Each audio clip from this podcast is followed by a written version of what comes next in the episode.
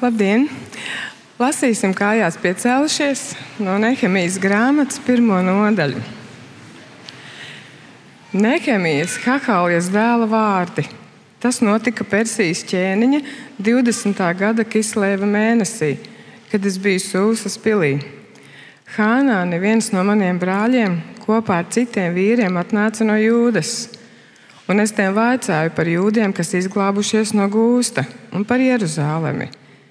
Viņi man pastāstīja, tie, kas atlikuši tajā pavalstī un netika aizvesti gūstā, ir lielā nelaimē un kaunā, jo Jeruzalemes mūri ir sagrauti un tās vārti ir sadedzināti.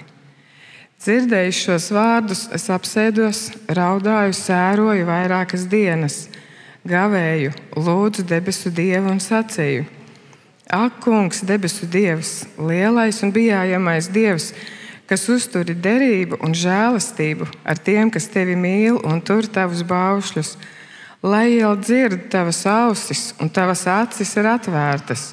Uzklausi sava kalpa lūgšanu, ko es dienām un naktīm lūdzu tavā priekšā par Izraēla dēliem, taviem kalpiem, sūdzēdams Izraēla dēlu grēkus, ko mēs pret tevi esam grēkojuši Grēkojis esmu arī es un mana tēva nams.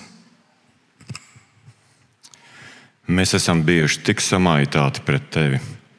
Nesam turējuši tavus baušļus, likumus un tiesas, ko tu pavēlēji savam kalpam mūzum. Atceries jau vārdus, kurus tu pavēlēji savam kalpam mūzum. Ja jūs būsiet neusticīgi, es jūs izkliedēšu starp tautām, bet ja jūs atgriezīsieties pie manis, Turēsiet manas baušļus un pildīsiet tos, kaut arī jūs labi, kaut arī jūs būtu aiztriekti līdz debesu malai. Tomēr es jūs no turienes sapulcēšu un atvedīšu uz vietu, kur esmu izvēlējies, lai tur mājot mans vārds. Tie ir tavi kalpi un tava tauta, kurus tu esi izpircis ar lielu spēku un savu stipro roku. Ak, kungs, lai jau tava auss uzklausa tava kalpa lūgšanu un tavu kalpu lūgšanu, kuri ar prieku bijāt tavu vārdu. Liec, lai tavam kalpam šodien labi sokas, un dod viņam, lai šis vīrs ir tam žēlīgs. Es biju ķēniņa, dzērienu devējs. Tas ir Dieva vārds. Āmen. Lūksim Dievu. Mīļais debes Tēvs, paldies, ka Tu mūs esi pulcējis šodien kā draugi no malu malām iespējams tepat no šīs ielas un no tāluma. Un paldies, ka arī šajā rītā lasot šo vārdu par nehemiju, mēs, mēs atkal no jauna varam mācīties par to, ka tu ļauj novērtēt situāciju un piedāvā risinājumu, bet tas prasa pazemību.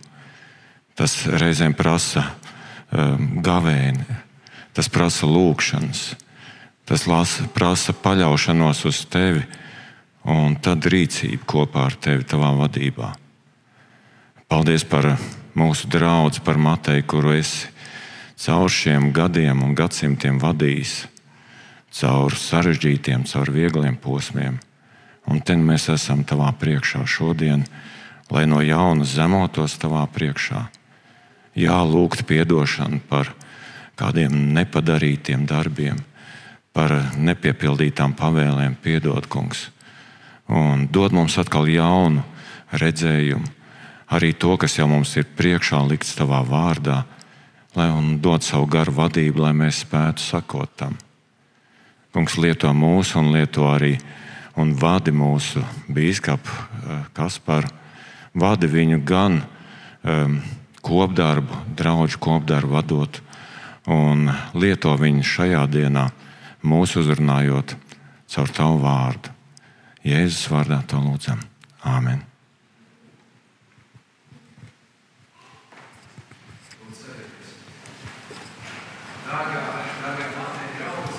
Brāļi, māsas, viesi, draugi, ir patiesa prieks eh, būt šeit. Īpaši šajā dienā, kad jūs svinat eh, gan jūsu draugu dzimšanas dienu, gan, gan arī svinēsim kristības. Un, Šī draudzene ir bijusi daudzus gadus manas garīgās mājas, un man ir tiešām liels gods būt šajā, šajā dienā kopā ar jums, un jūs sveikt, un, un jūs arī uzrunāt. Un 156 gadi arī liecina par to, ka šī draudzene nav bijusi tikai vienas paudzes draudzene, bet to ir veidojušas daudzas paudzes, un, un tas liecina arī par to, ka visas šīs draudzes autors un, un dibinātājs un vadītājs ir pats Jēzus Kristus. Šajā vasarā iespējams, ka kādi jūs jau arī esat bijuši un redzējuši, tika sāka demonstrēt filma, kas patiesībā Amerikā izraisīja tādu ļoti lielu ažiotāžu. Un tas ir stāsts, patiesa stāsts par kādu federālo aģentu, kurš mēģina tvarstīt, meklēt rokās tos, kas ir ar nodarbojas ar pedofīliju. Šīs filmas nosaukums ir Brīvības skaņa. Un šis stāsts šajā filmā ir kāda epizode, kur šis galvenais varonis, kurš it kā ir atradis arī šos noziedzniekus, un eh, pat ir atradis eh, kāds no šiem nolaupītiem bērniem. Un eh, vienu no šīm meitiņām viņš atdod, ja brālīti atdod savam tēvam arī. Un šķiet, ka tur viss tas viņa darbs un viņa misija beidzās. Un tad Viņa šīs, šī dēla tētis saka, bet vai jūs neturpināsiet tālāk meklēt, jo man ir arī māsiņa, meitiņa, kur arī vajadzētu atrast un vajadzētu izglābt. Uz ko šis eh, aģents atbild, nu tālāk tā nav viņu jurisprudence, viņi tālāk nevar to darīt, viņiem nav resursi, viņiem nav tiesības tālāk neko darīt. Uz ko šis tēvs atbildēja un teica, vai tu varētu mierīgi iet iekšā savā guļamistabā, bērnu guļamistabā un redzēt, ka jūsu bērnu gultiņa ir tukša. Vai tu varētu tā vienkārši malā nosēdēt un domāt, es dzīvošu tālāk savu dzīvi? Un eh, šim aģentam tas tik ļoti aizķer. Viņam pašam ir pieci bērni. Un viņš saprot, ka viņš nevarētu likties mierā, ja viņš zinātu to, ka kāda no viņa bērnu gultiņām ir tukša. Un viņš riskē, viņš ir gatavs uz visu, viņš ir gatavs ziedot savu karjeru, savu pensijas fondu, lai iet un izglābtu un atrastu šo pazaudētu, nozagto bērnu. Un, uh, viņš pat uh, riskē ar savu dzīvību. Šim stāstam ir labas beigas, un šis bērns tiek atrasts un atvests atgriezts saviem vecākiem. Bet šis stāsts ir ļoti iedvesmojošs un kas stāsta par to, ka ir cilvēks, kurš ir gatavs ziedot savu dzīvi, savu karjeru, lai ietu un glābtu. Mēs eh, pirms brīža dzirdējām, lasījām kopīgi Nehemijas grāmatu, pirmo nodaļu. Un tas ir Nehemijas stāsts. Nehemijas stāsts ir ļoti iedvesmojošs. Kāpēc? Kas tad bija Nehemija? Viņš bija pēc tautības jūds, kurš tajā laikā dzīvoja Persijas citadelē Sūsā. Viņš ir viens no tiem daudzajiem jūdiem, kuri ir nonākuši šajā Babilonijas gūstā, jeb trimdā. Viņi ir patriekti no savām mājām, no savas zemes. Un tagad dzīvo svešumā. Patiesībā šī citadela sūsa atrodas kaut kāds 1200 km attālumā no pašas Jeruzalemes. Un lai arī viņš atrodas svešumā, it kā projām no mājām, patiesībā viņš dzīvo ļoti labu, ērtu dzīvi. Viņš atrodas tādā labā drošībā, viņam ir labs darbs, viņš ir labi nodrošinājies, laba karjera, jo tajā laikā eh, dzērienu pienesējs ķēniņam tas bija atbildīgs, bet arī ļoti prestižs darbs. Un savā ziņā viņš ilgojas pēc visa tā, pēc kā cilvēks varētu ilgoties savā dzīvēm dzīvo labā pilsētā, drošībā, ir nodrošinājis labu savas dzīves nākotni. Bet tad Nehemija dzīvē notiek kāds pavērsiens. Tas ir pavērsiens, ko mēs varētu saukt arī par tādu dieva iejaukšanos Nehemijas parastajā, stabilajā, drošajā dzīvēm. Pie Nehemija atbrauc viņa brālis un vēl kādi draugi, un viņi pastāsta to, kas ir noticis Jeruzalemē.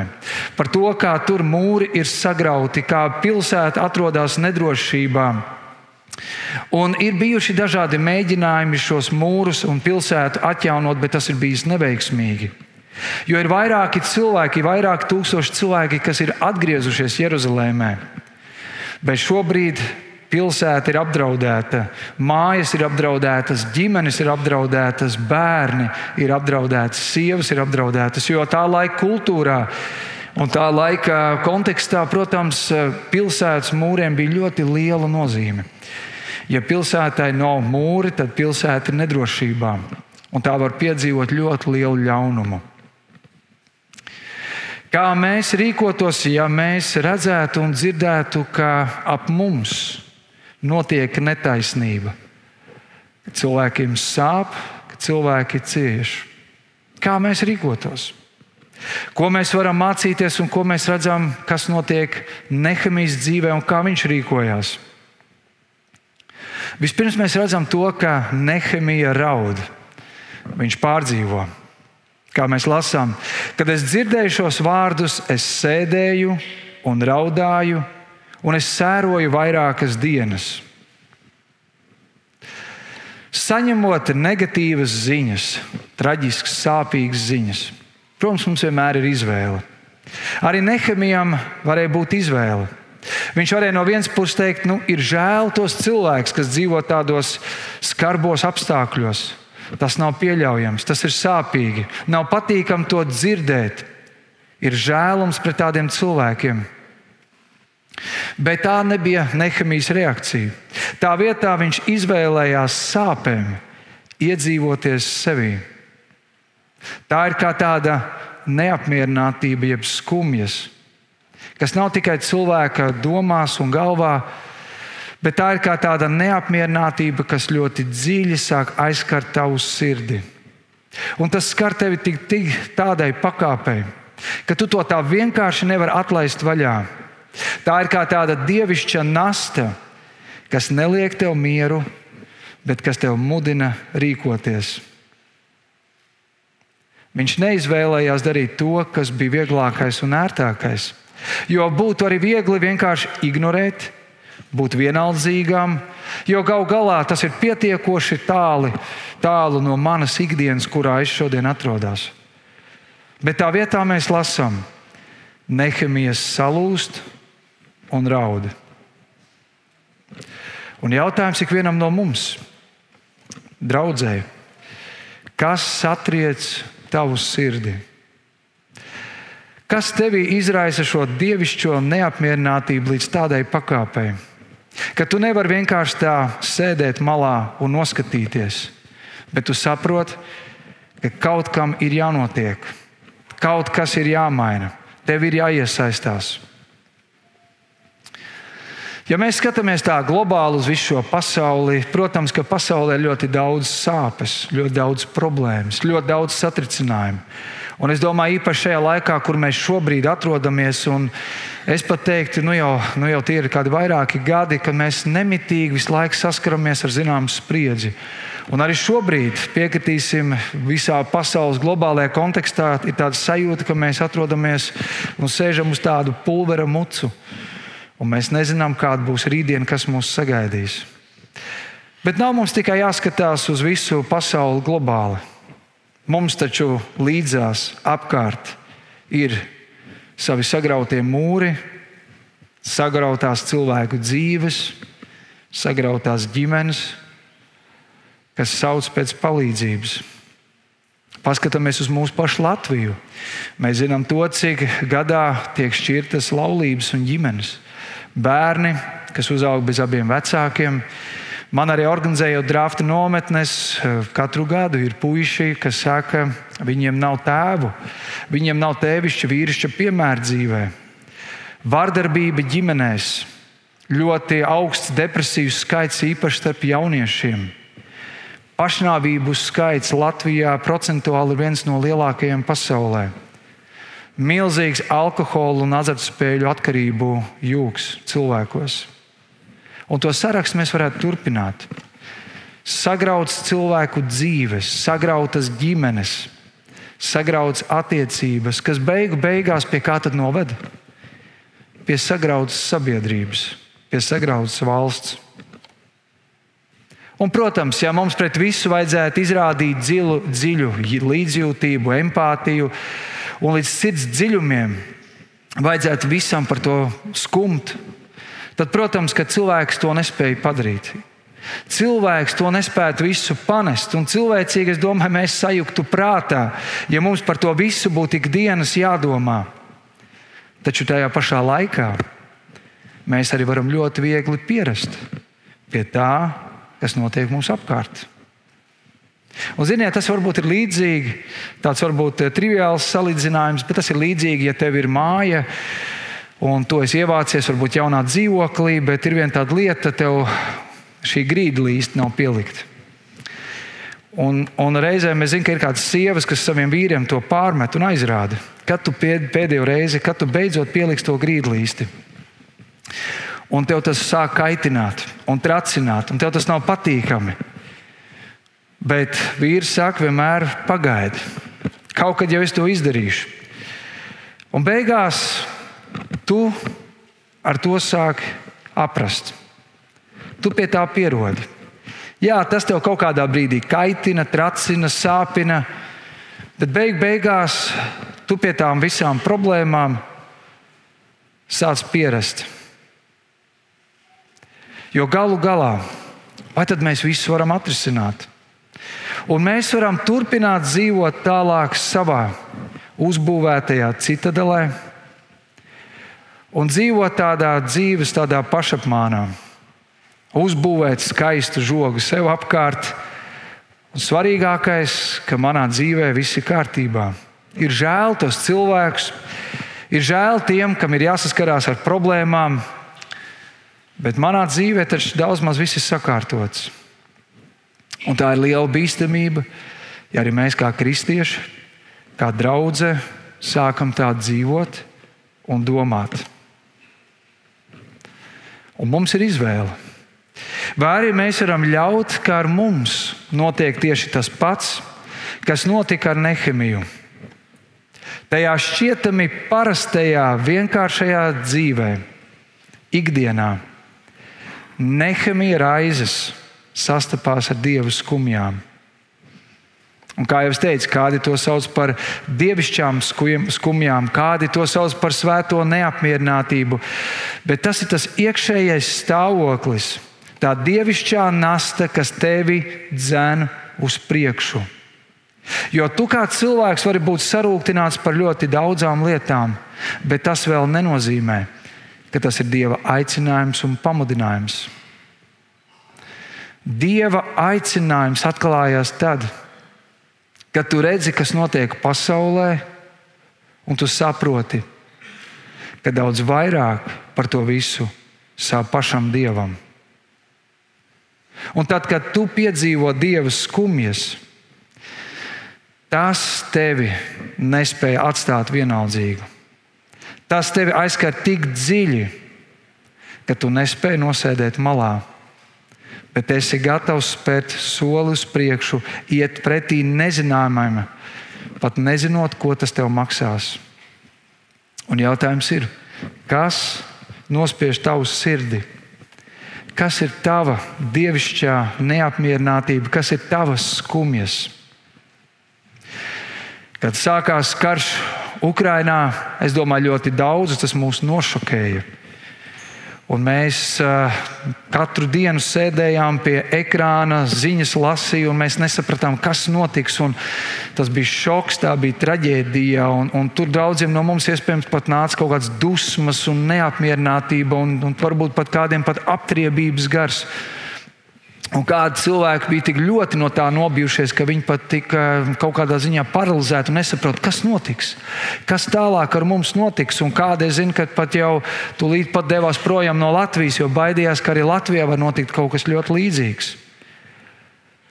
Tās ir raizes, bailes, pārdzīvojumi, kas mums visiem radās šādās krīzes situācijās. Un tā pašā laikā Bija cilvēki, kas nevis vienkārši uz to noskatījās no malas, bet teica, mēs iesaistīsimies. Mēs kaut ko darīsim. Mēs nevaram vienkārši tā malā sēdēt un to, uz to noskatīties. Mums ir jāiesaistās, mums ir jāpalīdz. Un ir cilvēki, kas bija gatavi uzņemt bēgļus, kas bija gatavi braukt uz Ukrajinu, vest humāno palīdzību, ziedot savus līdzekļus. Manas raizes pārvēršas par aktīvu darbību. Protams, nesalīdzināmas lietas, bet es atceros arī pirms 15 gadiem, kad Bīskaps Sproģis man piezvanīja un viņš jautāja, ko lai mēs darām. Lai mēs varētu aizsniegt vīrusu, lai mēs varētu aizsniegt puikas mūsu draugzēs, lai mēs viņus varētu vairāk motivēt uz kalpošanu, lai viņi vairāk uzņemās atbildību un tādu garīgo vadību. Un tad viņš pieminējās par tādu ideju, kā būtu, ja mēs kaut ko varētu sākt organizēt pusauģu puišiem. Un tas, ko viņš man līdzdalīja, tā viņa sāpe, tā mani iedvesmoja. Un tā mums radās šī programma, kalpošana, draft nometnes, kurā ir piedalījušies jau vairāk kā tūkstoši puiši. Un kādi no šiem puišiem jau ir izauguši lieli, apprecējušies, un, un kādi ir kļuvuši par mācītājiem pārvērst neapmierinātību par Dieva aicinājumu. Nebūt vienaldzīgam par to, kas notiek apkārt, bet pārvērst to aktīvā rīcībā. Un tad, kad mēs atsaucamies šim dievišķajam nemieram, tad pesimisms vienmēr tiek pārvērsts cerībā.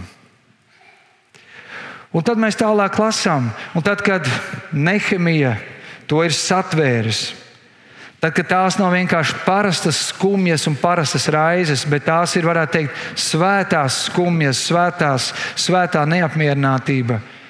Kāds ir nākamais solis, ko dara Nehemija? Viņš nevis atliek, atloc rokas un ir gatavs tagad ķerties pie risinājuma, bet viņš lūdz. Kā kāds ir teicis, ja tas ir pietiekami liels, lai raudātu par to, tas ir arī pietiekami liels, lai lūgtu par to. Mēs lasām, ko Nehemija dara. Kungs, debesu Dievs, lielais un brīnišķīgais Dievs, kas tur savu mīlestības derību ar tiem, kas viņu mīl, un tur viņa pavēles. Dievs, lai tava auss ir uzmanīga un tavas acis ir atvērtas lūgšanai, ko tavs kalps dienu un nakti lūdz tavā priekšā par taviem kalpiem, par Izrēla tautu. Patiesībā, ja jūs apskatītu visu Nehemijas grāmatu, tad jūs redzētu, ka viss caur šai grāmatai ir notiek lūkšana. Pavisam kopā tās ir 12 lūkšanas, kas tiek uh, skaitītas, jau izteiktas Nehemijas grāmatā. Šī Nehemijas grāmata sākās ar lūkšanu, un patiesībā Nehemijas grāmata noslēdzās ar lūkšanu. Lai arī Nehemija bija, ko mēs vēlāk varētu lasīt un secināt, viņš bija ļoti praktisks, ļoti spēcīgs līderis. Tomēr tas, ko viņš darīja, viņš nevis vienkārši apņemās iet un darīt, bet viņš saprot, ka vispirms ir svarīgi, ka viņam ir patiesa lūkšana Dieva priekšā. Un kāda ir šī lūkšana? Tā nav tikai lūkšana par viņu vajadzībām, lai Dievs varētu svētīt viņu darbu, bet tā ir lūkšana, sāpju un nožēlu pilna lūkšana. Viņš vēlas sagatavot savu sirdi un nofokusēt, jo viņš saprot, kāpēc viņš ir bijis tik vienaldzīgs. Vispirms tas ir stāsts par viņu pašu. Tas, kur Izraēla tauta ir nonākusi, ir patiesībā viņu pašu stūrgalvības un bezdievīgās dzīvesveida rezultātā. Viņi paši ir izvēlējušies atsaukties, paklausīt tam apkārtējo tautu spiedienam, morālei un vērtībai, kā rezultātā tas viņus ir novedis pie trimdas, pie izpostītām mājām, pilsētas un pilsētas mūriem. Stāsts nav vienkārši tagad kaut ko salāpīt un atjaunot, bet Nehemijs saprot, vispirms ir stāsts par mani pašu kāds es esmu. Vai tas, ko es gribu darīt, vai tai ir patiesa un pareiza motivācija. Un redziet, šī lūkšana mums arī māca, Ka viss nav tikai par to, cik tev ir svarīgi būt produktīvam un veiksmīgam. Labais darbs, ko vēlamies paveikt, vispirms taču sākās ar mūsu attiecībām ar Dievu. Jo Nehemijs zina, ka daudz svarīgāk par atjaunotu Jeruzalēmi ir atjaunotas cilvēku dzīves. Un patiesībā tas, par ko tu lūdzi, atspoguļo to,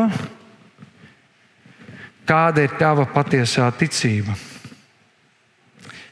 Ja mūsu vienīgā lūkšana ir Dievs svētī šo ēdienu, pasargā manu namu, dāvā man labu dienu, tad patiesībā mēs ticam tikai tādam Dievam, kurš var mūs svētīt un par mums gādāt. Bet kaut kas ir pilnīgi cits, kad mēs lūdzam un sakam, Dievs lieto mani, ved mani, vadi mani tajā neiespējamā. Dievs iekustini un dari brīnumu, atjauno to, kas ir salauzts, paver neiedomājumus ceļus manā dzīvē. Un tad mēs piedzīvojam pilnīgi citu dieva spēku, kad Dievs ne tikai apmierina manas vajadzības, bet Dievs var mani svētīt un lietot. Un kā jau es teicu, ne katrā lietā mums vajag būt iesaistītiem, ne katra lieta mums vajag. Un kādu laiku atpakaļ es lasīju tādu labu lūkšanu. Dievs dod man rāmu garu pieņemt visu, ko es nespēju ietekmēt, bet tajā pašā laikā drosmi ietekmēt visu, ko es spēju, un gudrību atšķirt vienu no otra. Kā Dievs var īstenot labo darbu caur mani un caur tevi? Tad, kad tu ļauj tam, ko tu redz apkārt, ienākt tavā sirdī. Un tad, kad tu esi gatavs nomesties ceļos, lūgt, gavēt, ciest par to, un tikai pēc tam tu piecelies un tu ej. Mēs otrajā nodaļā par to varam lasīt, kur Nehemija pēc tam, kad viņš ir lūdzis, gavējis, un ļāvis tām dieva skumjām ienākt viņas sirdī, patiesai līdzjūtībai pret savu tautu. Mēs lasām, viņš iet pie sava darba devēja, pie ķēniņa. Viņš saka, Nehemija, un tad ķēniņš viņam jautā, Nehemija, ko tu vēlies? Un tad viņš saka, ja tas ķēniņam labi patiktos, un ja tavs kalps ir atradis labvēlību viņa acīs, tad lai viņš mani sūta uz Jūdas pilsētu, kur ir apglabāti mani senči. Celties un rīkoties. Patiesībā Nehemijam varētu būt ļoti daudz iemeslu un attaisnojumu, lai nedarītu, lai neietu. Jo viņam taču nebija nedz pieredzes, viņam nebija nedz resursu, viņam pat nebija komanda, cilvēki, kas būtu gatavi iet kopā ar viņu darīt šo darbu. Un vai vispār kāds cilvēks atsauksies un iesaistīsies. Ir ļoti daudz nezināmā. Jo mums reizēm gribās iet un darīt tad, kad šķiet, ir pilnīgi viss mums pasniegts. Bet Nehemija absolūti nezināja, kas viņus sagaida. Un tomēr šīs dievišķās skumjas viņā ir tik dziļas, stipras, ka viņš atsaucās neiespējamam. Un mēs varam lasīt, Viņš atrod resursus, viņš pat izveido komandu, viņš mobilizē tautu šim darbam. Viņš ir gatavs stāties pretestībai. Un tā rezultātā ne tikai mūri tiek atjaunoti, bet visa tauta atkal atgriežas pie Dieva. Tas ir prasījis daudz pūles, pacietību un ticību, bet 52 dienās Nehemija kopā ar savu tautu atjauno Jeruzalemes mūrus. Un te mēs varam secināt, ko. Ja mēs gaidīsim tikai perfektos apstākļus, tad iespējams tādus mēs nekad nesagaidīsim.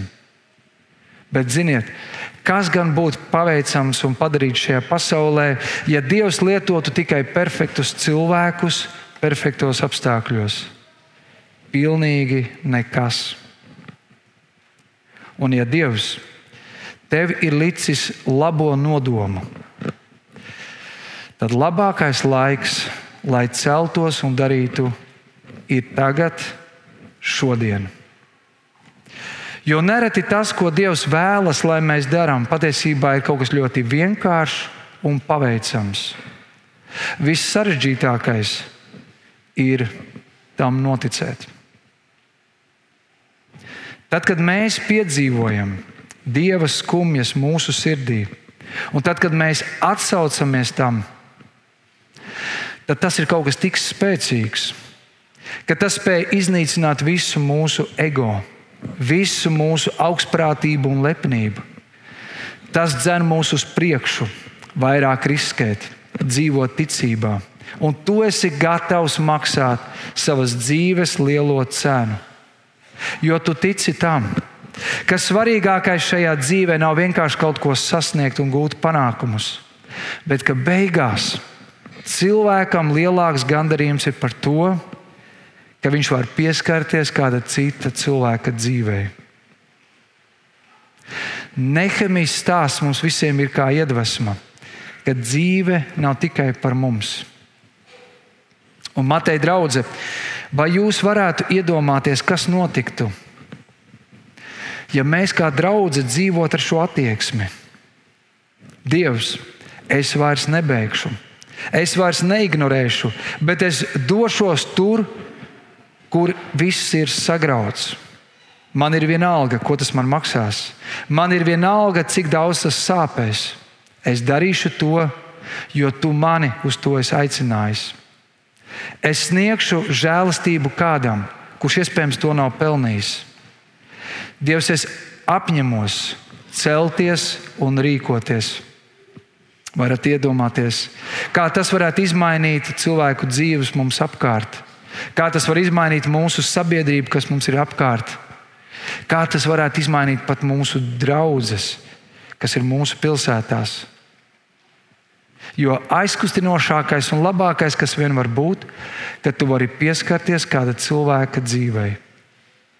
Jo mana un tava dzīve paies. Paliks tikai tas, ko tu būsi darījis Kristus dēļ. Un patiesībā pats Kristus mums ir piemērs tam, ka viņš nepārvērt savas skumjas naidā pret cilvēkiem, bet viņš tās transformēja mīlestības pilnā glābšanas misijā.